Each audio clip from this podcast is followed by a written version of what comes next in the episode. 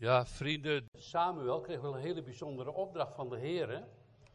Uh, het was zo dat koning Saul koning was geworden. En het volk had gezegd en rond zich heen gekeken. Uh, we willen ook een koning. En dat was niet goed in de ogen van God als je de geschiedenis leest. Want toen zei Samuel, ja, ze hebben mij verworpen. Hij was de richter, hè. Nee, zegt God, ze hebben mij als koning van Israël verworpen. Het volk Israëls. Toen is Saul koning geworden. En dan krijgt David een hele aparte opdracht, wat u voorgelezen is, dat hij nu naar Bethlehem, u weet het, Bethlehem, waar de Heer Jezus uh, geboren is, hè? de stad Davids, het broodhuis. Dat hij daar naartoe moest om naar de man Isaïe, eh, met zijn vele zonen te gaan, om daar een zoon van Isaïe te gaan salven. Ja, Samuel, zoals u leest en gehoord hebt, was heel verdrietig over Saul. En Saul was ongehoorzaam geworden. En het koninkrijk van God, het koningschap was van hem afgescheurd. Beetje moeilijke dingen allemaal wat er staat en hoe je dat moet verklaren. Hè? Zodat hij geen koning over Israël meer zijn. God had hem verworpen, en er staat weer dat woord verworpen. Hij is dus verworpen van zijn ambt. Zijn ambt was hij kwijt.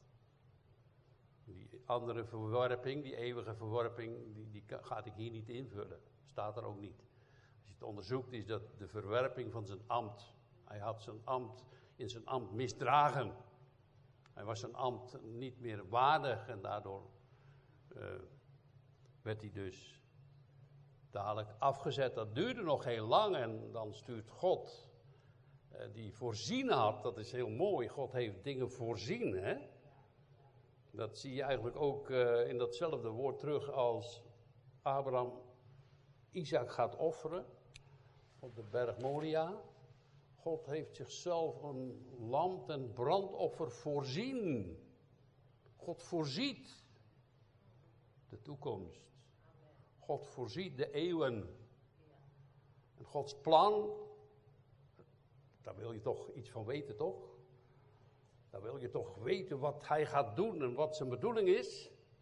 Gods plan over de wereld, Gods plan voor je leven. Gods plan hier in onze kerk en voor ieder persoonlijk. Voor bijvoorbeeld de oude Arend, hoe gaat dat, weet je? Heer, wees met hem, wij bidden. Doet u het? Zo voorziet God. Dat is mooi. Daar kan je over nadenken. Dat is een prachtig woord. God voorziet.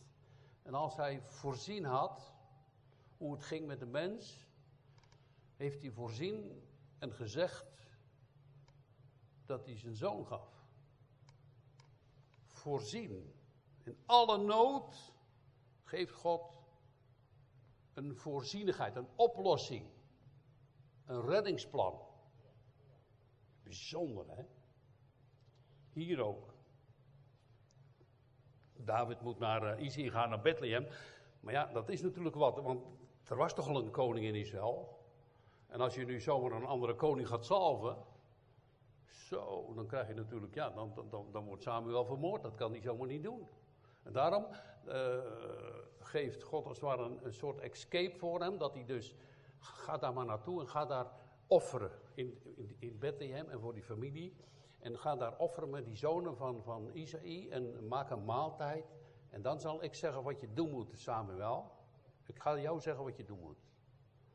Dus Samuel is een hele wijze man en had ook Gods geest, maar uh, hij, hij had nodig wat Gods plan was. Die voorzienigheid van God. En er zit een hele les in. En, en, en uh, dan moesten die mensen uh, ze moesten zich, als dan dat offer van God en die maaltijd in die dienst van God kwam, moesten ze zich heiligen. Wassen, schoonmaken. Dat is natuurlijk ook wel, als je naar het huis van God komt, mag je daar best even aandacht aan besteden, toch? Je gaat naar het huis van God, besteed je aandacht, hoe je daar naartoe gaat. Ga je niet met een overal of met vieze handen of vieze kleding. Je gaat naar het huis van God. En die reiniging, dat was in Israël natuurlijk wel heel anders. Met heel veel wassingen en zegeningen en olie en, en dat soort dingen. Maar dan toch, hè, voor ons mag het ook wel een beetje gelden, toch? Als je naar het huis van God gaat, dat je denkt, we gaan naar de koning. Hoe, dat je je dus gereed maakt en, nou, ieder op zijn wijze, hè? Ja. Nou, en zo gaat die oude Samuel, die richter, hè, die door God aangezet uh, is, aangewezen was toen al uh, tijdens Eli, die gaat naar Bethlehem toe. En uh, daar moet hij dan die maaltijd houden en dat offer brengen. En dan worden al die zonen van David erbij geroepen. Hij had er nogal een paar. Er staat zeven zonen, maar eentje nog niet. Als je de geschiedenis nakijkt, is hij nog voor de tweede keer getrouwd. Had nog andere uh, stiefzonen, zeg maar. Van zijn eerste, van zijn vrouw, die dus weduwe was. Maar deze Isaïe had zoveel zonen en daar gaat David, en zo is het voorgelezen. Uh,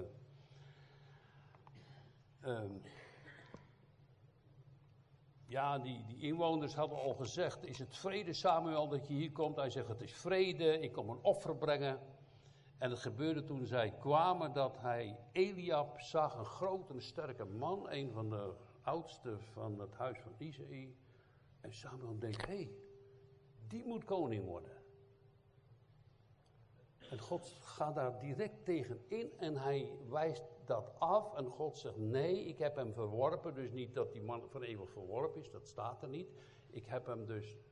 Ik heb niet bedoeld dat hij koning wordt. Dat staat er eigenlijk een beetje op die manier. Ik zeg het een beetje eenvoudig nu. Hij wordt geen koning, die niet. Want jullie zien aan wat voor ogen is. Jullie kijken met je ogen. Maar ik kijk heel anders. God kijkt heel anders. God heeft een heel ander plan. Die kijkt naar je hart. En als je wil weten wat de schrift daarover zegt, dat hebben we natuurlijk vaker herhaald en dat geldt niet alleen voor u, dat geldt ook net zo goed voor mij. Dat geldt eigenlijk voor alle mensen. God ziet de hoogmoedige van ver. De nederige die aan zijn voeten gaat zitten, geeft hij genade. Vergeet het nou niet. Het is de lijn die God geeft. En zijn bedoeling is ook. Want het is toch een allerhoogste koning, hè, deze God. We kunnen van alles bedenken, hè, wat wij allemaal hier op de wereld voor elkaar bakken en doen. Dat is best wonderlijk en mooi. Maar hij heeft de hemel en de aarde gemaakt, de zee en alles wat erin is. De sterren, de zee en alles. Het is de schepper. Hoe wonderlijk heeft hij Adam geformeerd. Als je alle bloedadertjes in je lichaam achter elkaar legt,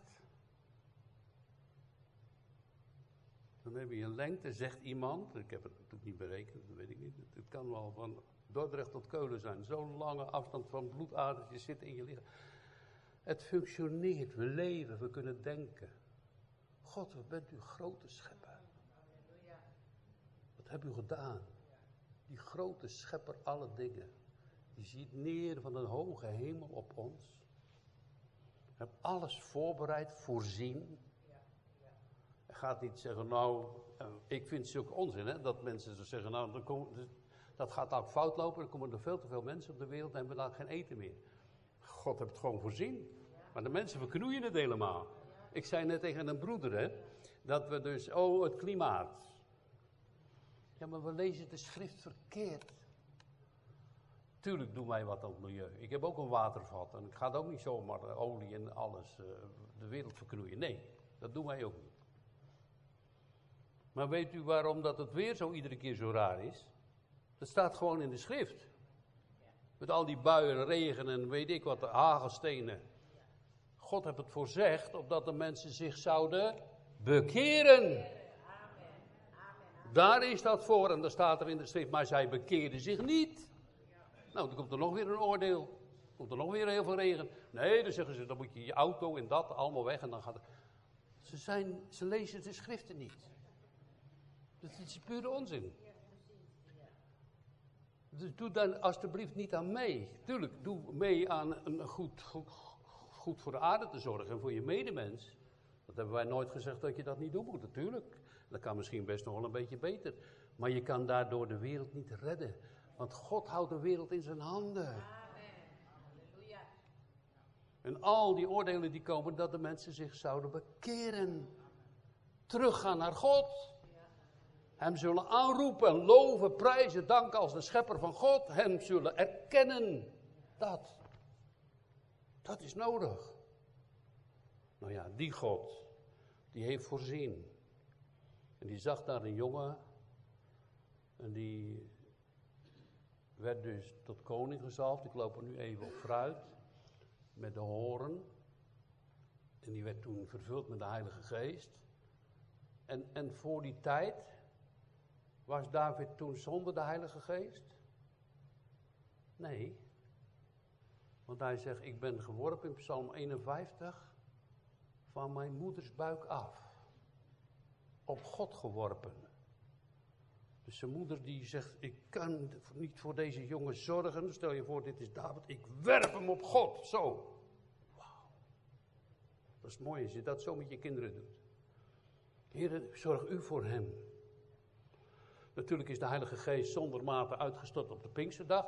Maar de Heilige Geest was zeker in het Oude Testament ook aanwezig. Wij gaan niet zeggen dat toen de Heilige Geest er niet was, want dan kan je heel veel tekst uit de Bijbel wegschrappen. Saul was ook met de Heilige Geest. Maar er staat een ander voorzetsel voor bij het werk van Saul en dadelijk bij het werk van David. Het ging David in zijn hart, in zijn wezen. Hij was dus een kind van God en God had hem gezien en voorzien. En hij werd genoemd door God een man naar Gods hart. Weet je waarom? Was David een onschuldige dan? Nee, hij heeft heel veel gekke dingen gedaan. Maar kijk, wat er wel bij David, één keer niet, toen heeft hij wel een heel jaar gewacht.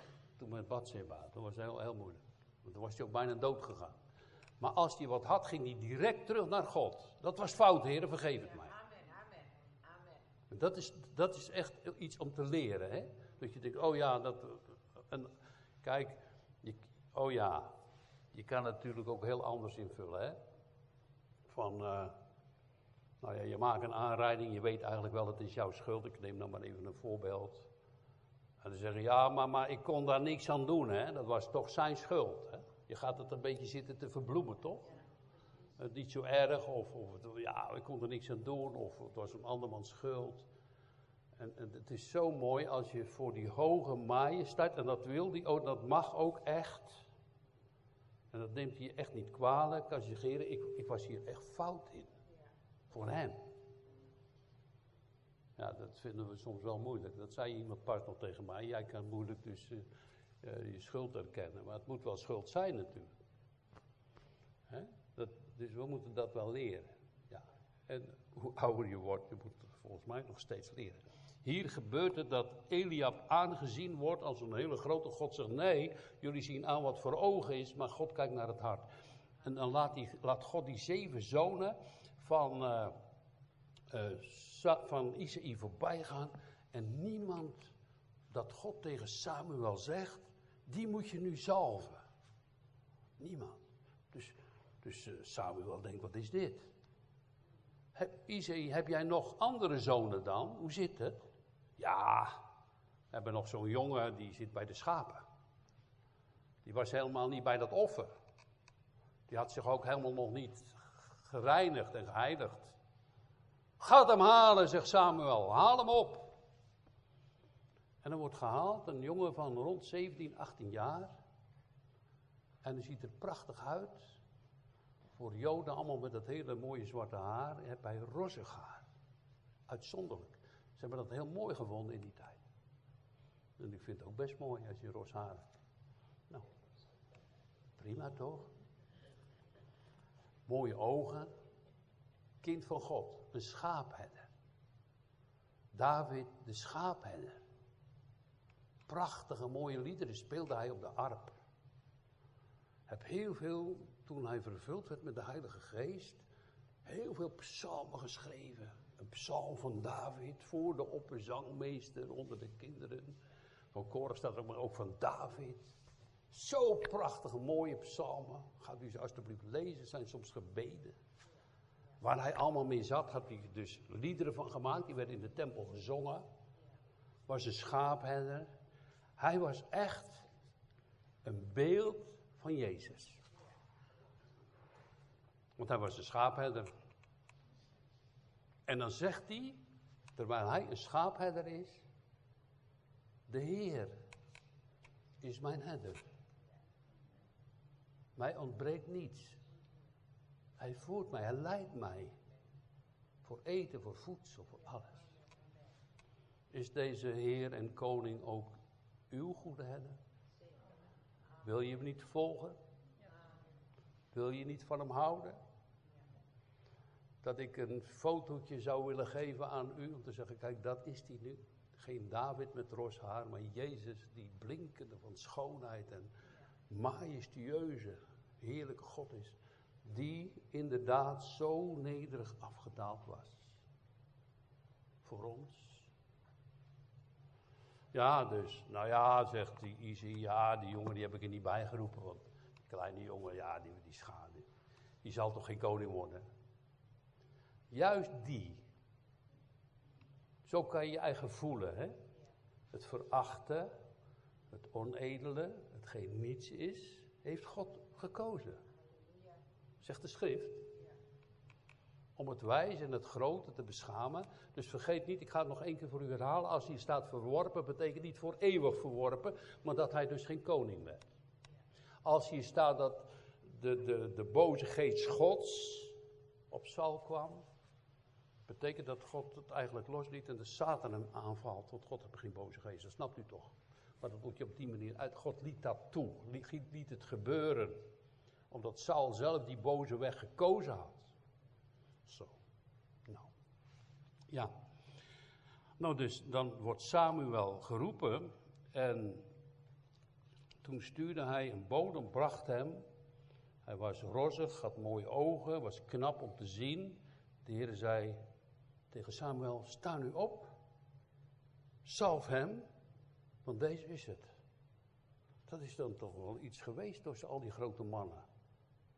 Dus dat hele grote gezin en dat kleine ventje die komt daar aan. En daar staat dan die grote Samuel tussen zijn broeders in. En dan komt die jongen daarbij, kom juist hier naar, naar, naar voren. En hij komt naar voren toe. En, en, en nu had naar de opdracht van God Samuel een horen, dat is een beestenhoorn. Hoe groot dat ding geweest is, weet ik niet. Vol met zalfolie gedaan. En zo werd hij gezalfd. Zalfolie droop over hem heen. Saul was ook gezalfd, maar met een kruik. Een fles. Die brak je kapot. David werd gezalfd met de horen. En dat betekent een eeuwig koninkrijk. En dan ga ik, dat zei ik u al, Gods plannen falen niet. Als je dus leest dat uh, koning Saul koning geworden was. En God zei, nee, ze hebben mij verworpen als koning. Dus Samuel, jij denkt wel dat jij verworpen bent, maar ik ben verworpen. Kom mij de vraag naar u toe. Wilde God eigenlijk wel dat er een koning kwam?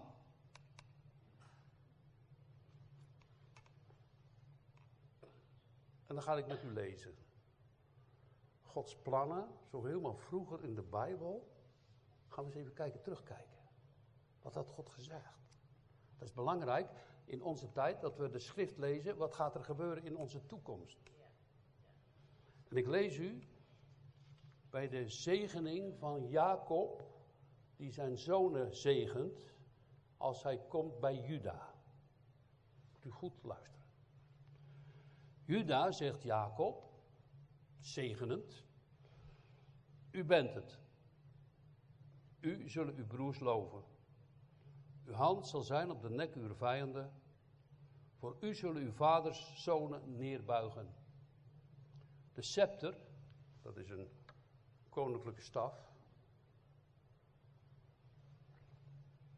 De scepter zal van Juda niet wijken. Nog de wetgever, een koning geeft de wetten, van tussen zijn voeten. En nou staat er iets heel bijzonders. Totdat, dus dat koningschap, dat had God voorzien. En dat moest zijn uit Juda en niet uit Saul, want Saul was een Benjaminiet.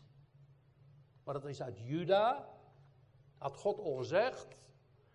Want die belofte van Jacob, die gaat uitkomen. Getekend in de schrift. Er komt een koning. Voor Christus. Uit de familie van Juda. En die koningschap, dat is David, Salomo enzovoorts. Hoe ze het eraf gebracht hebben, dat weet u, kan u allemaal lezen in de schriften, de boeken Koning en Samuel. En dan staat er iets moois, totdat, als dat koninkrijk van God helemaal afgebroken wordt, totdat Silo komt. Staat hier. Silo is Christus. De eeuwige zoon van God, die mens werd, geboren uit de maagd Maria, uit de stam van Juda. Het eeuwige koningschap is Jezus Christus, de zoon van God. Staat hier al Genesis 49, vers 8 tot en met 10. De belofte van God gaat uitkomen. Niet een Benjaminiet, niet naar, want wat is er gebeurd met Saul? Het volk is dus op het plan van God vooruitgelopen.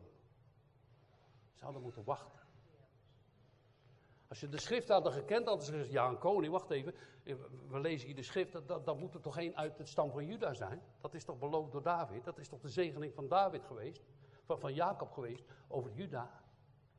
En als je, als je daar dan over nadenkt, vrienden, waar Jezus uit geboren is, Jacob, Abraham, Isaac, Jacob, bedrieger, uh, Juda die krijgt een zoon van zijn schoondochter, die beragelde hoer, Rut, de Moabitische. Nou, vandaar dat de Joden hebben gezegd, wij zijn niet uit hoererij geboren, hè, maar jij wel. Ze hebben hem vernederd. Hoe klein heeft die grote God willen worden? En weet je waarvoor wie? Voor u. En voor mij. Zo klein werd hij. Eigenlijk ook in de conceptie. Van door de Heilige Geest bevrucht te worden van die Maria-vrouw. Hè? Die gezegende onder de vrouwen. Zo klein en nietig werd hij in een beestenstal gelegd. En hier lezen wij van, van David dat hij met die eeuwige, dat is een eeuwig teken, gezalfd werd met die olie. En dat zijn tekens. Dat is ook bij het avondmaal en bij de doop zo. Het zijn tekens van God. Het is niet de zaak zelf. Want terwijl hij dus dat teken van die olie kreeg naar de wil van God over zijn hoofd, werd hij direct vervuld met de Heilige Geest. En ik zei al, hij had al Gods geest. Het was al een kind van God. Maar nu moet hij koning worden. En voor zo'n ambt heb je extra gaven nodig. Je kan niet zeggen, nou ja, dan ben ik maar uh, ouderling of muziek maken. Nee, je hebt daar ook gaven voor nodig, een studie voor nodig. Je hebt daar de Heilige Geest voor nodig, bij het zingen, bij dingen te doen. In de kerk ook en voor mij en voor u. En die gaven hebben wij dus nodig, die gaven door Gods geest. En hij werd direct vervuld met de Heilige Geest. David kreeg wijsheid, kreeg onderricht van God kreeg uh, verlangen om God nog meer en meer te dienen in afhankelijkheid. Was maar een kleine jongen, was ongeveer 17 jaar. Kind van God. Werd gezalfd met de olie. Eeuwig koninkrijk. En zo staat hij dan tussen die broers. En die broers hebben misschien, oh, dat hebben ze later wel gezegd, hè. Toen hij daar bij Goliath stond. Oh, jij altijd. Je telt niet mee, hè. Als God je gaat zegenen, dan krijg je rampen, dingen over je heen van de wereld. Maar houd goede moed. Jezus heeft de wereld overwonnen. En als je de toekomst mag zien van deze grote schepper en deze grote koning, de toekomst van Hem geeft eeuwig leven. Hier in de wereld is vaak worsteling, vernedering, aanvallen. Uh, ik las uh, pas weer iets, uh, mensen uit Zuid-Afrika. Ik denk ook niet dat jullie hier voor niets zijn. Het is moeilijk daar, weet je? Zo is de wereld zit in elkaar. Het is, soms moet je vluchten, moet je weg of iets. Je, je, je, bent niet voor niets uit Irak weggegaan. Ben je niet voor niks weggegaan? Wat ze daar allemaal overhoop hebben gehaald. Hoeveel bommen en toestanden dat je over je heen zou hebben gekregen. En in Syrië en noem maar op. En wat er in Oekraïne gebeurt en overal. Al dat soort dingen. God weet het. Wat ik ook wel heel bijzonder vind, daar ben ik ook heel eh, blij om bijvoorbeeld. Dat, dat, eh, dat, ja, dat God soms dingen leidt. Dan was je boeddhist in, in, in Cambodja. Of je was bij de Joven-getuigen daar. En God heb je teruggebracht aan zijn voeten. Amen. Prijs de Heer. Looft hem. Hij voorziet toch, ook voor u zeiden we toch al. Hij voorziet hier David. En weet je wat ik dan zo bijzonder vind? Dat God heeft gewild dat David gezalfd werd met die eeuwige horen. Dat staat ook in de psalmen. Hè, dat, dat, God heeft beloofd hè, dat eeuwige koninkrijk en dat op de troon van David en later is Jezus geboren. U weet het. Dat heeft een hele poos geduurd. Maar ja, we zingen ook dat lied. Hè, hij, God overspant de eeuwen. We zijn over, het moet maar direct of duurt zo lang. En, maar God overziet de eeuwen één dag is duizend jaar en duizend jaren één dag bij God. Snap je niks van. Maar hij gaat het gewoon uitvoeren. Dus wat, wat, wat moet je nou doen met die God? Vertrouw hem. Dat wat hij zegt, dat dat echt voor jou is. En voor u. Geloof dat, dat hij je echt bedoelt. En daar gaan we het over hebben. Want als we het hier over David hebben, mogen we het zeker hebben over de Heer Jezus. En die is ook gezalfd. En weet u wanneer hij is gezalfd toen hij uh, ehm, 30 jaar was. En natuurlijk was hij, was hij een kind. Hij was zonder zonde. Hè? Hij is de eeuwige God. Werd mens. Maar toen hij dat ambt uh, ging aanvaarden van middelaar en messias. Op 30-jarige leeftijd is hij gedoopt in de Jordaan. En dan kwam de Heilige Geest zonder mate als een duif bovenop hem. U hebt het geschilderd, die duif. Zo, die daalde neer op de Heer Jezus zonder mate om zijn ambt, zoals hier bij David, was ook al een kind van God, maar om dat ambt te kunnen vervullen in de kracht van God en de wijsheid die God gegeven had in zo'n ambt. Dat. Zo heeft ieder de Heilige Geest nodig. Bid en vraag ook om Gods Geest. Zo is de Heer Jezus opgestaan uit het water. En daar staat van de Heer Jezus zulke prachtige dingen. Dan ga ik u uh, lezen uit uh, uit Psalm 45. En dat gaat over de Heer Jezus. Dat, eh, dat is al een, een onderwijzing van de kinderen van Korach. Een bruiloftslied. Hij zegt daar, het gaat over Jezus, in een vooruitziende profetie. Uw pijlen zijn scherp. Zij treffen het hart van, van de vijanden van de koning. Volken zullen onder u vallen. Uw troon, hier heb je het eeuwige koningschap van Jezus. O God, bestaat eeuwig en altijd.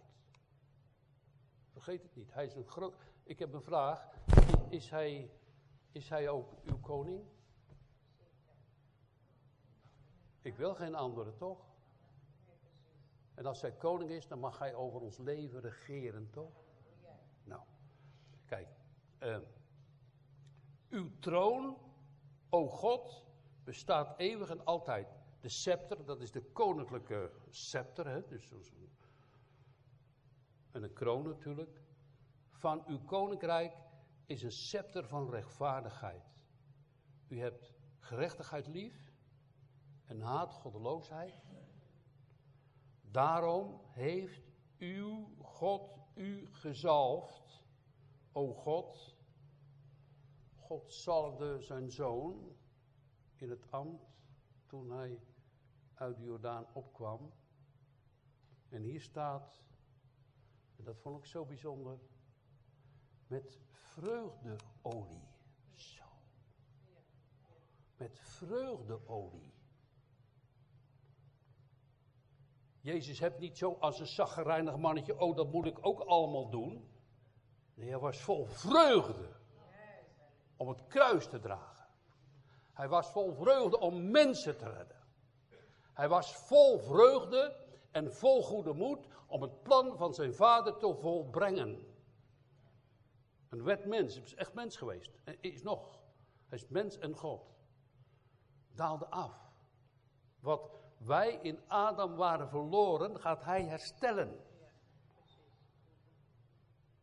Het eeuwige plan van God. Wat een majesteit, wat een koning. Met vreugde. Wij, wij, oh ja, dan komt dat en dan. Heb je dat niet? Een beetje depressie. Diepe zuchten. Oh, oh. Heb je het niet? Ik ook hoor. Ik laat dat jullie allemaal niet zien, maar ik heb het ook wel. Ik snap. Hij niet, hè? Jezus niet.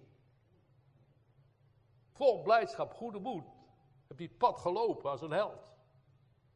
Om de wil van zijn vader te doen in de eerste plaats en om u te redden.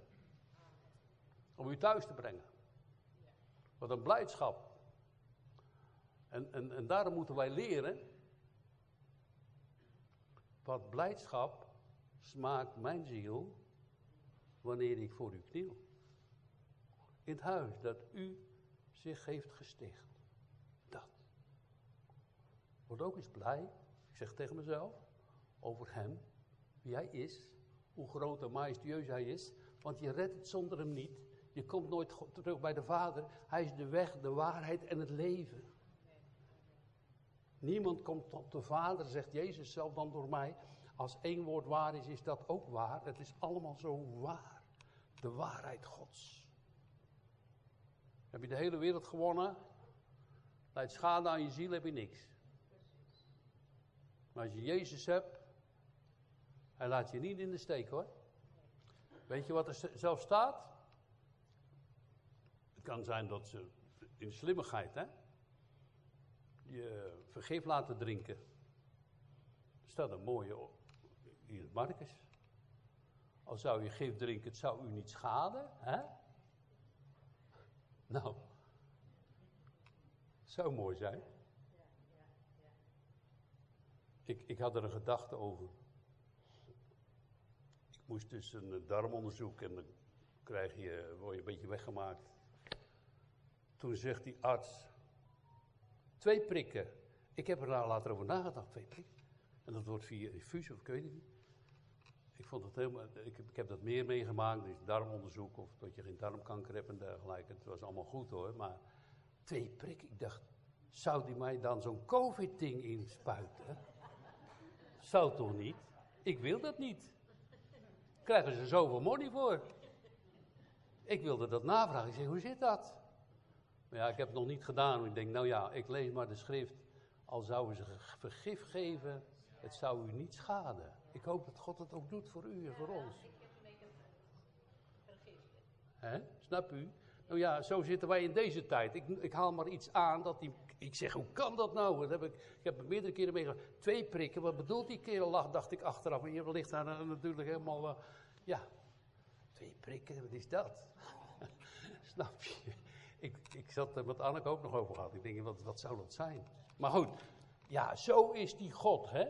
die ons helpen wil, ons zegenen wil, ons bemoedigen wil. Nou, wat is nu voor mij een bijzondere les? Een paar dingen in dit stuk. Wat hij zegt gebeurt, al is het helemaal in het begin van de schrift. Jacob zegent zijn zonen tot koning. Juda gezegd het wordt koningschap, scepter in zijn hand. Gebeurt ook, David komt. Mooi hè, staat er geschreven. Zo gaat de toekomst ook helemaal vervuld worden, let erop. Wees niet bang, ga met hem. Want hij leeft. En dat bloed van hem reinigt niet alleen, maar geeft ook eeuwig leven. Om hem te loven en te prijzen als kinderen van God. Dan zou het mooi zijn. eh, zoals iemand zei, hè, zo staat eigenlijk ook in de Bijbel. Zie wij en de kinderen die gij mij gegeven hebt, dat je in de troon van God mag staan, niet alleen, maar met elkaar. En als u dan daar mag zijn, wil ik achteraan komen. Ik hoef niet vooraan te staan. Dat zei onze oude Doentje ook al. Ik hoef niet vooraan te staan als ik maar mee mag gaan. Zo. Hè? Om hem te loven en te prijzen en te aanbidden. Nou, het tweede wat ik heel mooi vond, dat vond ik in de schrift over die vreugde, dat hij met zoveel vreugde dit gedaan heeft. Nou, daar zou je een preek over kunnen houden, toch? Met zoveel vreugde en eigenlijk, ja, we zullen daar maar om bidden dadelijk, hè? dat God ons ook blijdschap geeft over wat hij gaf en wat hij doet en wat hij doen zal. In Jezus' naam. Gezalfd tot koning. De vraag was, is het ook uw koning? Zo niet, dan moet u zelf alles oplossen met die almachtige God. En je komt dan niet aan een einde. Je komt dan aan het eeuwige einde. Verloren. Maar met hem is eeuwig leven. Halleluja. Amen.